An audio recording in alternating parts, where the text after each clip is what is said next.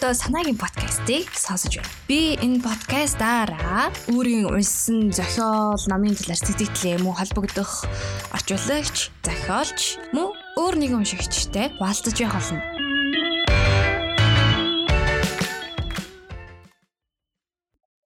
За сайн байцгаана уу? Энэ удаагийн мандугаарт Эдогова Рамбо гэд Японы триллер детектив зохиолчийн Сүүдэрт гэх альбом хүн саналгээ бид нарын мэдхээр номуудыг орчуулсан а мөн зохиолч Дашмуг ах маань хүрэлцэн ирсэн байна. Эд өдрийн мэд хүргэе. Аа тань ч гэсэн энэ өдрийн мэд хүргэе. Таны уран бүтээл өнөр гайгүй. Уран бүтээл чинь дандаа хийж идэв.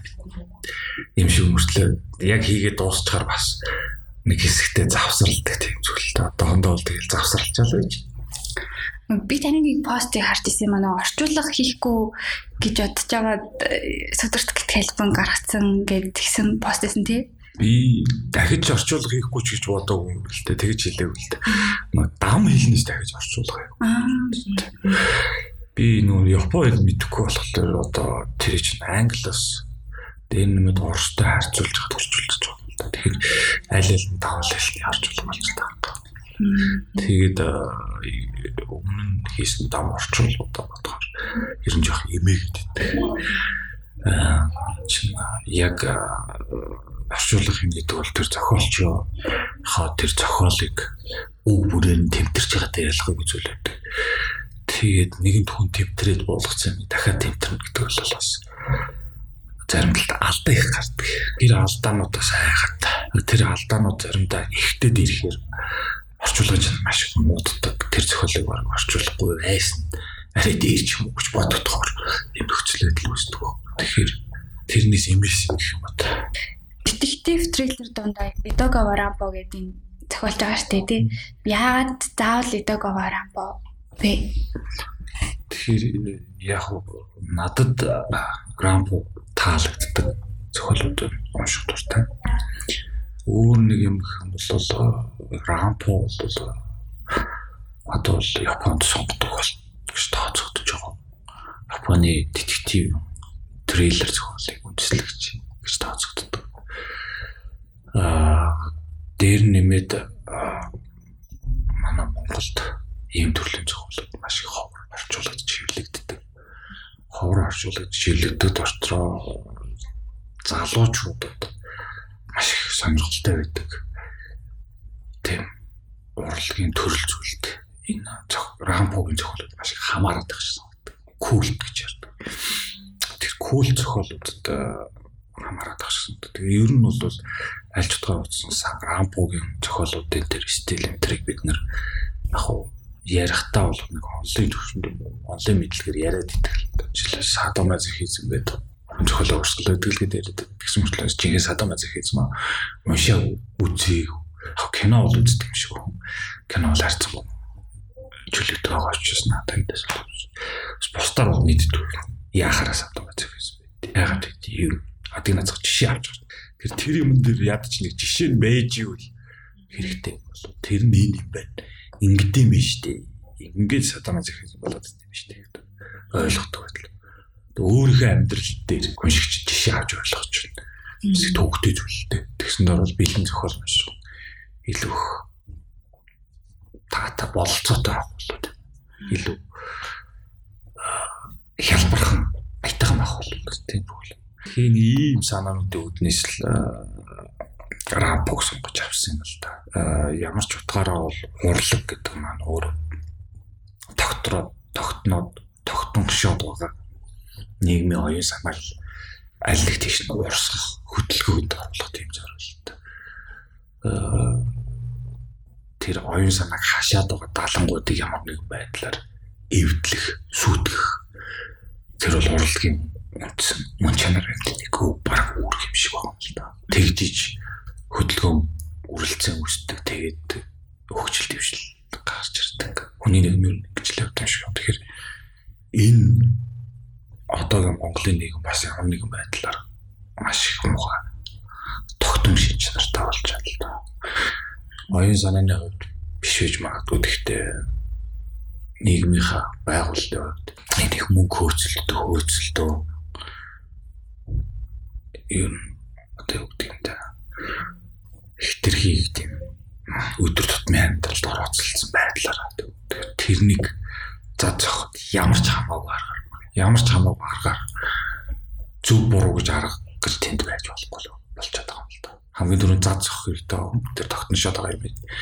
Аль нэг тийш тэр нэг сэтгэлийг урсгах хэрэгтэй. Тэрний дараа хайшин залах яаж ирэх вэ гэдэг бол өөр асуудал байна. Би бас нөгөө нэг жилийн өмнө нөгөө хүн сандлыг унсан. Тэгээд анх нөгөө нэг трейлер зохиолоход унсан хгүй. Тэгээд таалагдаад баг өдөртөө суугаар суугаад ирэв салж чадахгүй юм шиг туссан. Тэгээд яг нөгөө сүдэрт гэх альбом Эдога Барамбогийн дахиад тэр ном орчуулсан яг уншигчийнхаа хувьд баяртай байсан. Тэгээд бас өдөржингөө зурлаж ярьж байгаа л салж чадахгүй жаад тусгасан. Тэгээд сүдэрт гэх альбом энэ нь тийм номноос ингээ гурван үлэг багтаад орсон юм болов эсвэл та байгаа хувьд сонгоод ийм байт юм аа. 1952 онд байна уу? 56 онд байна уу? Би гоныг санахгүй англи хэлээр хэвлэгдсэн. Эдога Барамбо амт ахуй цагтаа англиар орчуулсан гэх юм уу. Тийм нэг Японы уран сэтгэмж адал зохиолуудын төвөр гэсэн. Тийм нэртэй ном байдаг юм аа. Яг номныхоо нэр үгсэн санахгүй. Тэр ном 7 өгүүлэлттэй. Тэр номны 7 өгүүлэлгийн хоёрыг би хасаад орхиод 5-ыг орчуулад хүн сандалд оруулсан. Хүн сандал бол 12 хүлээлт. Тэгээд энэ дээрээс өөр нь англи хэлээр орчуулагдсан Рамбогийн бас өөр нэг төврээс хоёр хоёр хүлэг аваад орос хэлээр орчуулагдсан Рамбог төврээс аваад ингэж орчуулсан. Тэр хоёр хасагдсан өгүүлэг нь орхигдсон өгүүлэг маань одоо энэ сүдэт гэдэг альбомд орсон хоёр өгүүлэг. Тэр хоёр аршанчээр авгалтай хоёр юм байна яг уу яагаад оруулаагүй тэрийг бүгднэр нь орчуулж байгаа юм бэ гэхээр өнгө хийсэн арай жоох өөр байсан. Агуулдаа бол цэвэр садам хийх зөвхөн. Хоёр ашиг чи ирүүлэл нэг тийм хөнгөн юм шиг надад санагдаад болохгүй тэгээд би зүгээр яг илүү адлын удлын илүү детектив байдлын хөөгүүд хүн санал хийцээ. Аа тэгээ сүүлд нь бол хоёрыг энэ номонд оруулсан яг энэ Рампогийн сүдэрт гитэх альбом Японоор нинжу гэдэг. Нинжу гэдэг бол нэг тийм сүдэрт амьдардаг юм сүдэрт аршин байдаг. Сүдрээс гарч ирж хүнийг хорлдог, мангасыг хэлдэг. Чөтгөр альбом гэлдэг тийм юм. Тэгэд энэ бол Рампогийн хамгийн алдартай тууч. Рампоч одоо 20 гаруй бот уран бүтээл хийж үлдээсэн гэдгээс хамгийн алдартай аа хамгийн их олон хэлээр орчуулсан тоочуудынх нэг л баг. Тэгээд энийг орчуулвал зүгээр юм болов. Энэ зохиол маань ч гэсэн өөрөө яг Японы утга зохиол судлаач нар, шүүмжлэгч нарын рампог тодорхойлоод өгдөг тэр тодорхойлолтод маш их таардаг зохиол юм л да. Рампог бол Японы утга зохиол судлаач нар эро горо нансенс гэж тийм өөр ингэсэн мөн чанартай урсгалыг үндэслэсэн гэж томьёолдог тайлбарладаг. Тэгээд тэрэнд л одоо дээд зэргээр таардаг тийм зөвлөн. Тэгээд тэрнийх нь үлгэр жишээ одоо тийм тэгэхээр тэр жишээ ийм юм байт юм байна гэж л харах харуулах тийм санаатай л орчуулсан юм л юм аа зүгээр трейлерийнхээ хувьд бол э, энэ бол харьцангуй эрт үеийн трейлер шүү дээ. Ноолгүйлгээд энэ зохиол маань 90 жилийн настай зохиол 28 онд байна уу хэвлэгдсэн. Анх хэвлэгдсэн. 27 онд уу 28 онд анх хэвлэгдсэн. Энэ зохиол 90 жил болсон зохиол. Гэхдээ юу гэхдээ жоох одоо бол трейлер бол энэс өөр төвшөнд илүү нарийн гэдэг юм илүү адармаатай илүү адал шийдтэй болсон. Гэхдээ л энэ зохиол маань өөрөө бичигдсэн арга барил маш их сонирхолтой магадгүй бачмын зохиол уран бүтээл сонирхдаг тэр залуучуудад ямар нэгэн байдлаар гарын авлах болж байна. Тэгээ нөгөө хүн сандлын මේ санджааны хилтэй өгүүлэлт гинт хэрэг мөртөг детектив зохиолч нар өөртөө оролцоод ингээд хамтарч ажилладаг шүү дээ. Эдогоо рампа өөрөө тийм гимт хэрэгтний мэдлрүүлэлт ч юм тиймд оролцдог хийсэн болов. Миний уншсанаар Рампо ерөөшөө тийм адал явдалтай амьдрсан биш. Дандаа бичиг цаастаа зурлаж исэн. Дэлхийн 2 дугаар дайны үед цэрэг татагтаачгүй шүү дээ. Гэртэл бичиг цаастаа зурлалтаа сууж исэн шүү дээ.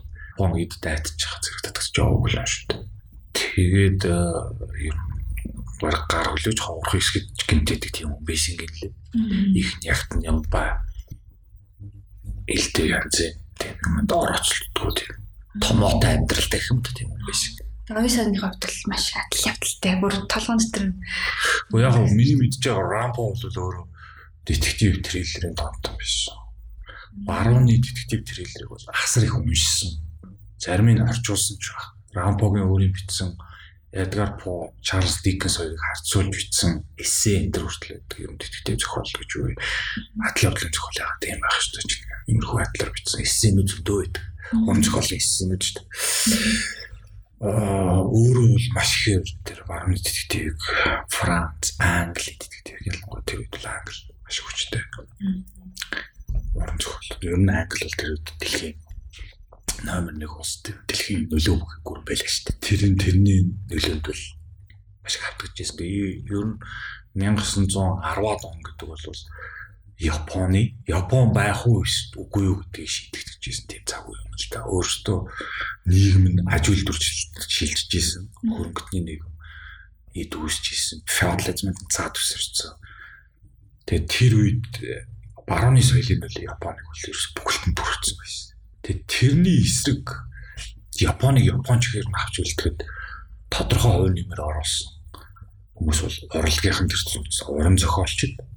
Тэгээ тэр олон зохиолч нар олон зохиолч нарын нэгэлж бол одоо Рунаска Акутагава ч юм уу Нацуме Сасаки.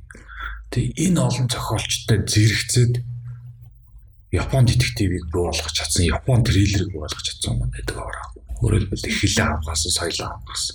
Одоо Рампогийн ямар зохиолыг аваад үзсэн үзсэн Япон л бичсэн баг. Гэхдээ миний ойлгож байгаа бол тэр адал сэтгэлгээ гэдэг юм барууныхны тэр уран зохиолын тэр чадвар, ур чадварыг өөр юм шүлээд боловсруулад Япон болгоод тэгээд гаргаж ирч чадсан. Тэгээд эргүүлээд барууныхан зарчиж болж байгаа байхгүй. Яг барууныхан юм чинь гот нүднээр зарч пөө юм байдаг. Одоо ч гэсэн баруунд юм юмны талтай бол гайхал рамп сонирхол маш их хачирхаж хүлээж авдаг юм да тийм. Рампо бол өөрөө англи хэлээр уншиж чаддаг мөртлөө бичиж бичиж юу яаж мэддгүү тийм ээ. Аа тийм тийм ном 56 онд хэвлэгдсэн. Нууцлаг адал явдал болон ерөөсийн төсөөлийн Япон зохиолоод төгссөн ном юм. Нэрийг тэгж орчуулсан. Рампо өөрөө англиар уншдаг мөртлөө англиар биш юм англиар ярьж чаддаг байсан. Одоо одоо манахтал дадлага байхгүй байхгүй өдөр тутмын дадлага байхгүй. Тэгэж тэр үед интернет гэж. Тэгэхээр Рампо яасан гэхээр Джеймс Харрис гэдэг хүнтэй нийлээд өөрийнхөө долоон өгүүлэл зохиолыг англиар орчуулсан. Джеймс Харрис гэдэг хүн Японд төрж өссөн, Японд амьдардаг хүн байсан учраас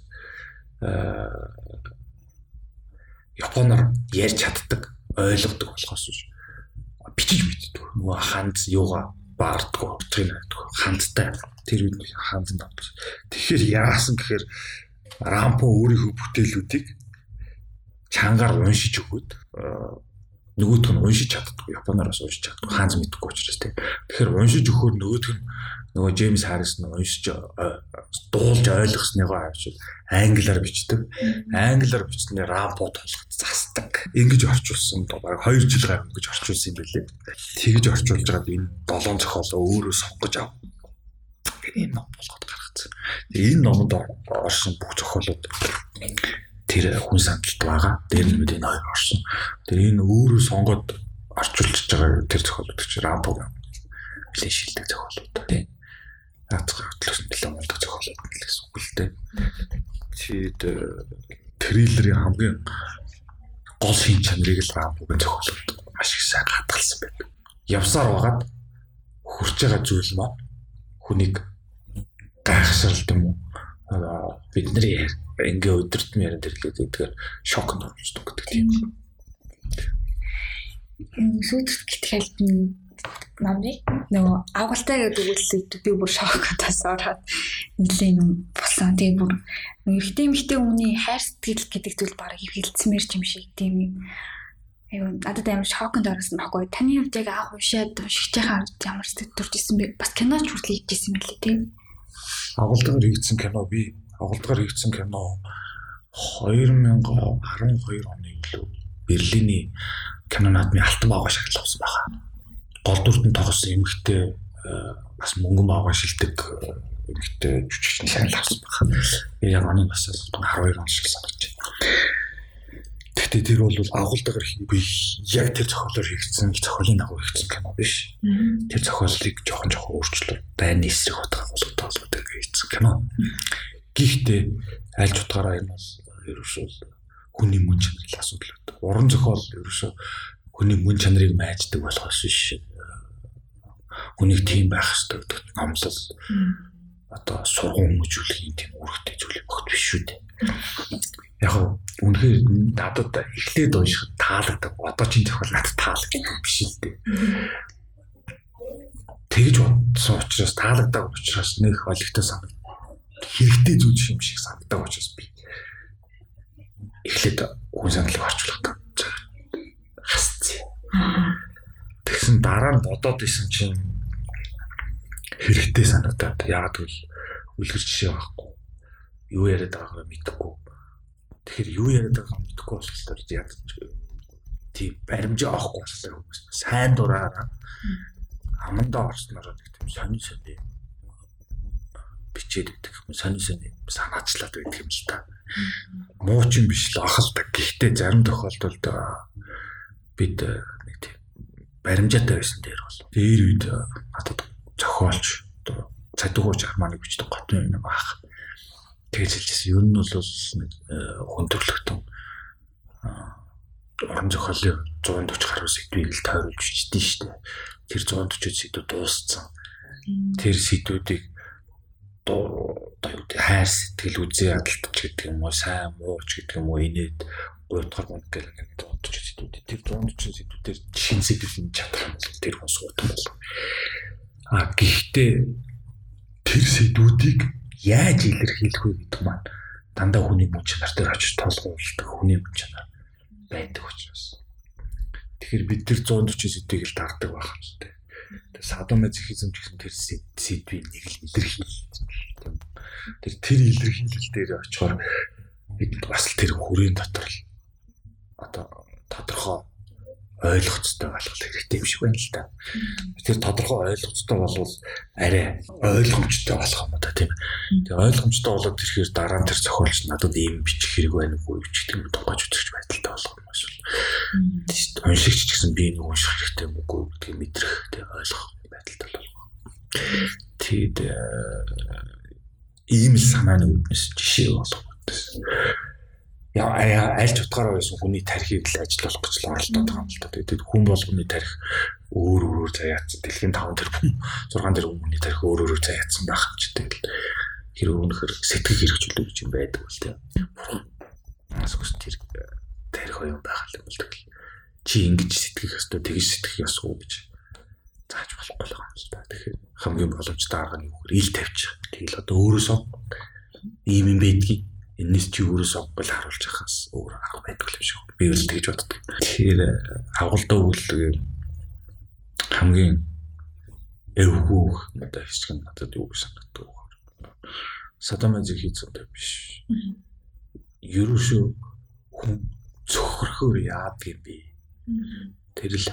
Гэтэ энэ бол оюун санаанд болж байгаа үйл явдал. Ийм юм амьдрал дээр хийж тохиолдохгүй тийм ийм юм нэг амьдрал дээр тохиолдуулах гэж зориуд өөр ах хүнж олдохгүй тийм гэхдээ энэс төрж гарч байгаа сэтгэгдэл тийм энэс төрж гарч байгаа мэдрэмжүүдийг зарим тохиолдолд бид нар амьдрал дээр өдөр тутам мэдэрч идэг тэрэндээ л авах байна тэр л давхцаж байгаа. Тэр давхц нь зохиол уншигчийн сэтгэл хоёрын давхцаж байгаа давхцал тэр юмтай тэрний дараа юу гарах вэ? Одоо тэр хүний өөрийн хүмүүжил шашин боловсрал тийм үү гэр бүлийн орчин тэгэл одоо юу хэлдэг тийм зүйл та түрүүн хэлсэн нөгөө тухайн үед гадаадын ялангуяа Европын нөгөө соёл илүү төрөмгөлж орж ирээд Япон тогтхоогүй юу гэдэг асууж байсан. Ингээд манай уран зохиолын Монголын уран зохиолын тийм аюул хэр нүүрлж ингэж бодож байгаа. Тийм аюул Монголын уран зохиолд нүүрлж байгаа. Ер нь бол магадгүй нүүрлэх магадлал байна. Гэхдээ Монгол хүний нэг сайхан чанар бий. Япон хүнээс илүү Монгол хүний нэг айхантай шахаж байна Японд авахгүй ч гэж болох байна. Монгол хүн гүргэр. Тэ. Англиар great гэж хэлдэг. Тэ. Тэгээд э, ер нь янз бүрийн амжилтанд хүрсэн хүмүүсийг сэтгэл судлаач нар судалж л дээ. Тэгэл янз бүрээр судлал амжилтанд хүрсэн хүмүүсийн гэр бүл эцэг удам ухсаа а яс заншил шашин шүтлэг тийм үү өөрийнх нь ажиллах арга барил гэл ингээл бүх юмыг судлаад байсан. Тэгээд чухам юу хамгийн их төлөхөж үзүүлдэг юм бэ? Энэ хүнийг амжилтанд хүрэхэд тэр түүнээс гадна энэ хүнийг өөрийнхөө ингэж оршин байхад юу хамгийн их нөлөө үзүүлдэг юм бэ гэж судлаад байхад хамгийн их нөлөө үзүүлсэн зүйл нь ерөөсөө тэр гүргэр цаал байдаг. Тууштай шаргуу цаа. Монгол хүн бол хайрцангуй утгаараа их тийм төвчээртэй маш шаргуу. Яг бол байгаллаас нь ген кодчлаас уулгацсан тэлцүүл байдаг юм шиг байна. Дандаа байгальтай тэмцэлтэж идэг учраас тийм гүргэж байж чаддаг. Тэр тэр зам байгаа цагт Монголын уран зохиол тийм амархан хүндэрчгүй бах уу? Тийм амархан хүндэрчгүй бах. Яг уу мэдээж тухайн тодорхой нэг цаг үед янз бүрийн тийм давлгаа гарч ирж болох Одоо ч гэсэн тийм давлгаал явж штэ. Англид 18 дугаар зууны сүүлээс эхлээл давлгаас одоо за ялангуяа дэлхийн 1-р дай дэлхийн 2-р дай хоёрын хооронд бол давлгаас тэгээ дэлхийн 2-р дайны дараа ч гэсэн хүчтэй болж ирсэн. Эмгтээчүүдийн орон зохиол гэдэг нөгөө нэг янз бүрийн одоо сүүл рүү телевизийн хэлбэр зөрчил шийдсэн нэг савнгийн дөөр гэж нэрлэдэг тийм мелодрамтай нэг хоёр гурван баатартай хоорондоо ингээд байдаг. Тэгээд нэг гэр бүлийн юм байдаг тийм. Тэрийг уншаад байдаг. Ингээд тэрийг одоо бол Монголд тийм уран зохиол бол эд хүчээ авч ойлгомжтой тийм. Өвчнөөнөр бишиж чинь хүмүүс ч ирэх ирэмжгэлтгүй уншиж чинь. Тэр одоо буруу ч юу ах вэ? Нэг сайн биш нэ ойлгомжтой байна. Гэхдээ буруу байхгүй. Одоо дүүрсээ тэр хүн төмөө хүндрэлт өөр ус үндэстэн бас нэг дайраад гараад явцсан. Үе шатан бид нар бас тийм нэг дайрч гарч байгаа ёстой байсан юм билүү. Тэгж байгаа энэ маань аянда нийгмийн хөгжлөөр ялгараал шалгараал тийм үү тэр нь багсаал. Гэхдээ уншдаг хүмүүс нь алга болохгүй баг. Ингээл өөрөө Монголын уран зохиол нэг нөгөө талаас хөгжиж байгаа. Маш их олон өнгө төрхтэй л болж байгаа. Тэгэхээр тухайн цаг үед аль нэгэн давмгайлж таарах. Аль нэг юм давмгайл явж л байгаа Тэгэхдээ би бол Монголын уран зохиолыг тийм устгах хэмжээнд болтлоо юм юмтай нүүрлж гэж юу бодохгүй. Итгэхгүй тийм. Юм аюулч нүүрлэх байх гэж. Тийм. Орчуулгын за орчуулга хийхэд нөө хувь хүн нөө өөрөө нөө цагаа тавсаал хийх болно шүү дээ. Цаанаа шаардах бүтээлжүүлэл болохоор. Тэгэхээр таны тийм тогтсон цагт орчуулга хийдэг ч юм уу тийм дэг үүсцэн тийм байдаг болов ер нь аль өдрийн аль цагаар илүү бүтээлж идэг Гэхдээ юуг нь шүн өрийг суудаг биш. Тэгээд нэг тэнд слендерлистээс шалтгаалж бодоо бол өдөр өдөөс өмнө жоохон суудаг болчиход байгаа. Тэгээд янз бүрдээ ер нь улаараа суугаад байвал улаараа суугаад байдаг. Энэ тоожийг би нэг сар орчмын хугацаанд орчуулсан. Тэгтээ улаараа суугаад байсан бол нэг 20 тоног л орчуулж өгсөн бэл. Дундуур нь янз бүрийн ажиллагаар л босч болдог л байц. Би уг их орчуулагч хүн тийм хонгод эдэрт итгэдэг хүн л дээ.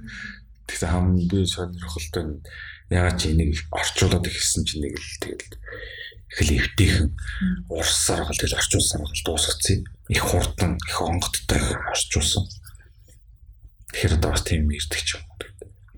Тогтмол яг суугаад гэдэг тийм тодорхой цаг гэж хэлээд хэцүү. Гэхдээ энэ тоожиг орчуулгад бол өдөрт нэг 2-оос 3 цаг тогтмол суусан л да. Ялаа өдөөс. Тэгээ шүүн суугаа бэлдсэн юм шүү дээ. Шүүн суугаа болчиход байна. Шүүн болж байгаа. Уг нь бол шүүн орой суух дуртай. Харахгүй болохоор тэрнийх гэлээ ясаж авах суучдаг байсан. Таас нөө орчуулагчаас гадна өөрөө зохиолч. Тэгээд өөрийнхөө бүтээлийг торих цаг ер нь боломж тань одоо ихэр болж байна Америкт байгаа гэсэн тий. Уу яах бичил үед тэгээд хамгийн гонигтай нь би өөрийнхөө бүтээл жоохон эргэлзээд идэх байхгүй. Эргэлзээд жоохон тэ. Юу гэдэг вэ? Голоод идэг гэх юм. Тэ надад таалагддаг байхгүй. Тэгээд э, нэг суртай болоогүй санагдаа. Тэгээд бичил шийд цааш шийдчихтий. Тэг нэг ядаж 6 сарын дараа магадгүй жилийн дараа дахиад нэг харах уншиж болмоор ч юм шиг надад өөрт нь шинж юм шиг санагдчихвэл зүгээр санагддаг. Зүгээр болж байгаа юм болов гэж боддог учраас тэр бицэн юмнуудаа нэг их дахин хурдан хөвлүүлээд авах сонирхол муу л та. Тэгээд ч би ч одоо уртын бичиж чаддгүй. Ягаад ч уртын дуургүй юм бол битггүй. Гэтэ хөвдлүүлийг батдаг бүтээлээ таны таны бүтээлийг хүлээж байгаа хүмүүсэндээ байгаа. Гэхдээ одоо зарим нэг нь хөвлөгдөл байдаг шүү дээ. Гэхдээ би ч өөрөө бас трейлер мөрөлөр бичээд байдаг юм биш шүү дээ. Зүгээр л мэдгүй. За уран миний өөр бичиж байгаа гэхээр юу дээ. Тэгээд Скот баг санаанд орсон бичдэг юм аа гэж хэлж бол мангар сонсогдох тий. Трейлер төрлийн зохиолол юм бичиж гэж боддог юм тий. Гөө мэдгүй бодогдвол бичгэл багт. Тэр чинь тэгэж тодорхойлоход хэцүү шүү дээ. Би ямар зохиол тим юм зориулж бичиж гин гэж бичдэг болох юм хэрэг мэдэхгүй байна. Орчуулга бол тодорхой тэр нөгөөд энэ зохиолууд маань хэвлэгдээд гарч гарчихсан шүүмжлэх судлааснаар тодорхой хэмжээгээр үнэлт үнэлт өгсөн уншигдсан тодорхой хэмжээгээр өөрсдийн санаа бодолтой болсон. Энэ зохиолын талаар санаа бодолтой болсон. Энэ зохиолууд байгаа учраас тэрийг бол ийм зохиол, ийм төвийн зохиол гэж ярьчихвал. Миний бичиж байгаа юмыг одоо шүүмжлэх судлаас нь уншигчл тэгж үнэлэх хэрэгтэй болгож би өөрөө за ингэж яагаад одоо триллер бичнэ ингэж байгаа одоо детектив бичнэ ингэж байгаа одоо тим бичнэ гэж бичнэ гэдэг бол ойлгохгүй санаад ч та өөр тийм өөр улсаар триллер зохиолч тийм намайг орчуулж бодож байна одоо жоохон бас триллерээ орчуулж залхаад байна. Тэр нэт триллер чинь бас тийм одоо юу гэдэг. Гэхдээ амар амар биш хамаагүй юу гэдэг. Монгол хүнд наалдсан муутай. Тэгж хэлж байна. Аа тэр триллер тас нэг өөрийнх нь баримталтай тэр трейлер өөрийнх нь шинжтэй шалтгаалаад явцуу явцуу байт. Тийм үү. Гэхдээ ч явцуу баг жорын дагуу бичигддэг зохиол шүү дээ тийм үү. Гэхдээ бол гарцааг бол уух баримтлах бол тийм болтгоо. Хамгийн сүүлд муу талын баатрыг барьж авах болтгоо. Устгаж дарахгүй бол болтгоо тийм төрөл зүйл шүү дээ. Тэрийг бас тайлал байхгүй болдог. Тэрийг бас нэлээ тийм төлөвлөгөөтэй тийм бичих хэрэгтэй. Яавал юм байдаг шүү. Тэр байдлаараа ч бол зарим талаас наалдчихгүй би. Тэр маш олон одоо триллер, детектив, фантастик хүмүүстэй зохиолууд өгдөг шүү. Баруун ч тоон тооноор хөвлөгддөг болохоор үнэхээр маш их шагшин гайхаж одоо цоройж цохойж гарч ирснийг л орчуулахгүй болоос тэр их цаасан овог уншаад өөрөө шигшиж авах гэдэг бол бас нэлээ их хөдөлмөр болсон л та зөвхөн орчуулгын төл дээр бүгдийг уншина барагдахгүй. Тийм үү энэ трейлер детектив зохиолчдаас тийм логистик толгой сайтай хэрэгтэй би санагдчих нөгөө нэг Эдагор Рампогийн тараа яриа те. Нэг хүний нөгөө надрын сасан чинь те эдийн засгийн сургуулийг банд дүнтэй төгсөн гэхээр нэлээ толгой сайтай хүн энэ төрлөг баг бичих байха те. Гэхдээ мэдхгүй ингээд детектив зохиолыг бол хүмүүс янз бүрэл бичсэн байдаг л хамгийн миний ажигснаар хамгийн онцлог шинж нь энэ детектив бичсэн хүмүүс өөрсдөө детективд үнэн сэтгэлээс дуртай байдаг. Маш их детектив дуртай байдаг. Бүгдээрээ би нэг мэддэг. Шилдэг сайн детективийг мэдэрдэг тийм. Өөрсдөө детектив их үнэлж уншигч байдаг. Бүтээгээр амьсгалсан. Тэгжиж л явах. Тийм яг зүгээр энэ далимд ярихад урам зохиолыг амьдралын субъектив тусгал гэж ойлгох хүсэлтэй хүмүүс Монголд тэгж ойлгоод байгаа юм шиг нар Монголд их баширцсан санагдаад байна. Харамсалтай нь тийм биш шүү л гэж хэлмээр байгаа юм л да. Амьдрал урам зохиол амьдралын субъектив тусгал огт биш. Байгч боломжгүй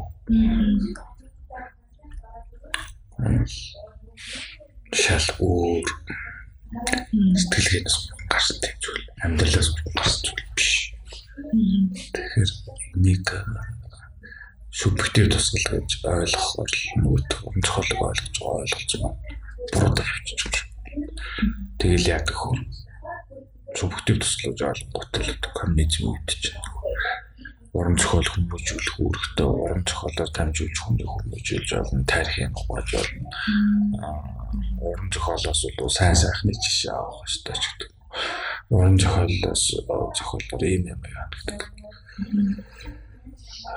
Янз бүрийн сонин үүрэг хариуцлага уран зохиолоор бол туурын баримт байх хэрэгтэй ч гэдэг. Ийм гаргаж ирдэг Ингээд энэ нийтлэртэй ийм зүйлс гаргаад ирэхээр энэ томьёол нодтай авч тааруулах гэдэг оролдоод эхэлдэг. Тэгээд нөгөөд нь байхаа болчихдог. Нөгөөд нь таарахгүй байхгүй яаж ч оролцсон.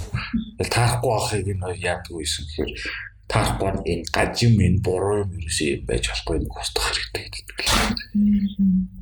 Тэгээд л уран зохиолыг ойлголт ойлголт маань задраал шалгуулж болчихсон. Худлаа болчихсон. Одоо бол харин тийм байхгүй болцсон. Яг уу янз бүрийн тодорхой чиг баримжааны асуудал онлайн шүүмжлэгч нарын ярих хэвээр тийм онлайн тодорхойлт бол байх хэрэгтэй. Тэгтээ тэгж тодорхойл болгоноор уран зохиолыг өөр нь хэмжих юм бол цаашаа хөгжихгүй л дээ. Хүний тархинаас гарч байгаа бодож байгаа хүний оюун бодлоос гарч байгаа зүйлсийг зүйлсийг бид хойлоод шүү дээ. Янз бүрээр хитрхи хашаалж болохгүй юм л да. Чи яг ингэж бодох хэвээр ингэж бодоод ийм бодсоор байгаа тийм төрөх хэвээр гэж заавал татлах гэж байна. Тэгэж болохгүй юм л да. Тэгэхээр л бодлоо болчих. Нөгөө энэ төрөд нэг үйлчлэж тийм болохгүй болчих нийгэм хөгжих болцооч гэдэг нь тийм байхгүй.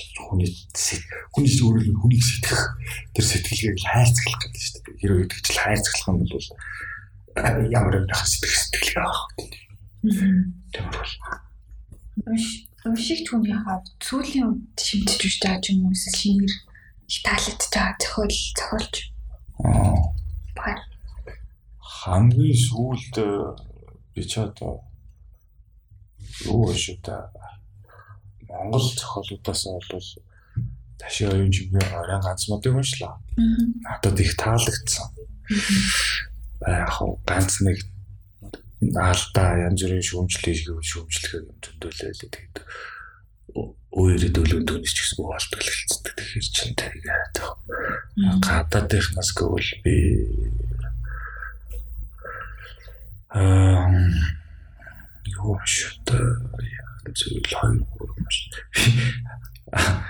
Орсын зохиолч Кир Булчов гэдэг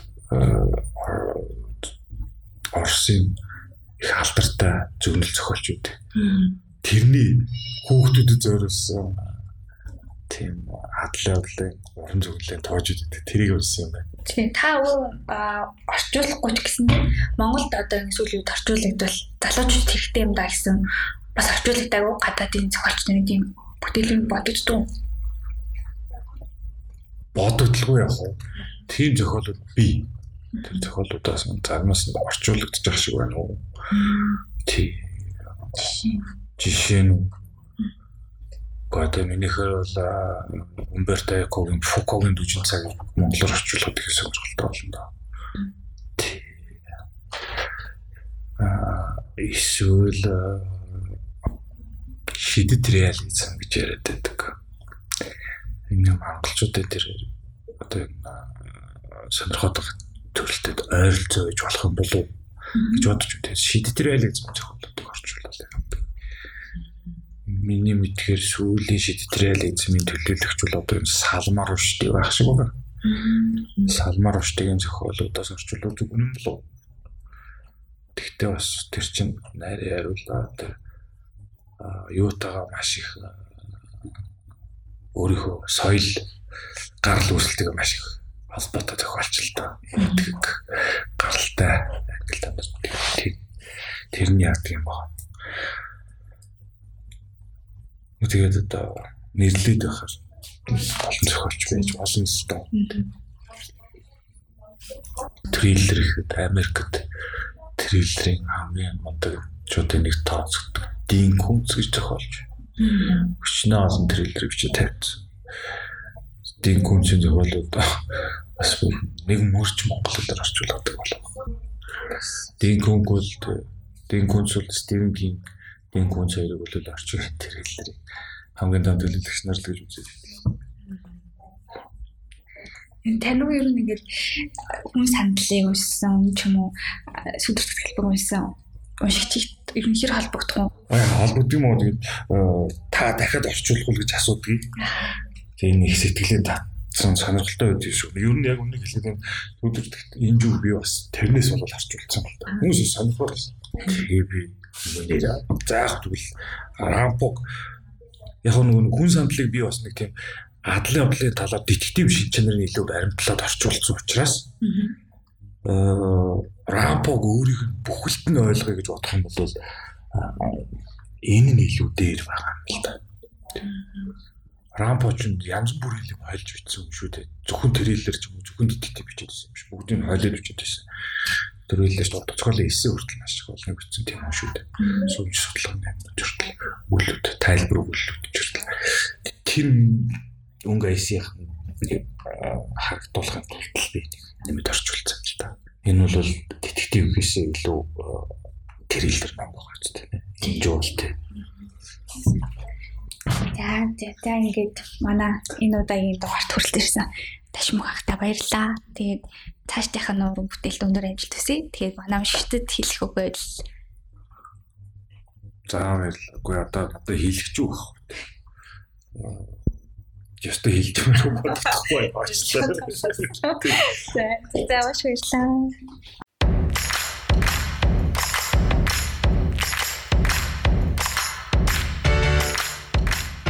одоо санаагийн подкастыг сонсож байна. Би энэ подкастаараа өөрийн уншсан зохиол, номын талаар сэтгэлээ мөн холбогдох орчуулагч, зохиолч мөн өөр нэгэн уншигчтай хуваалцаж явах болно.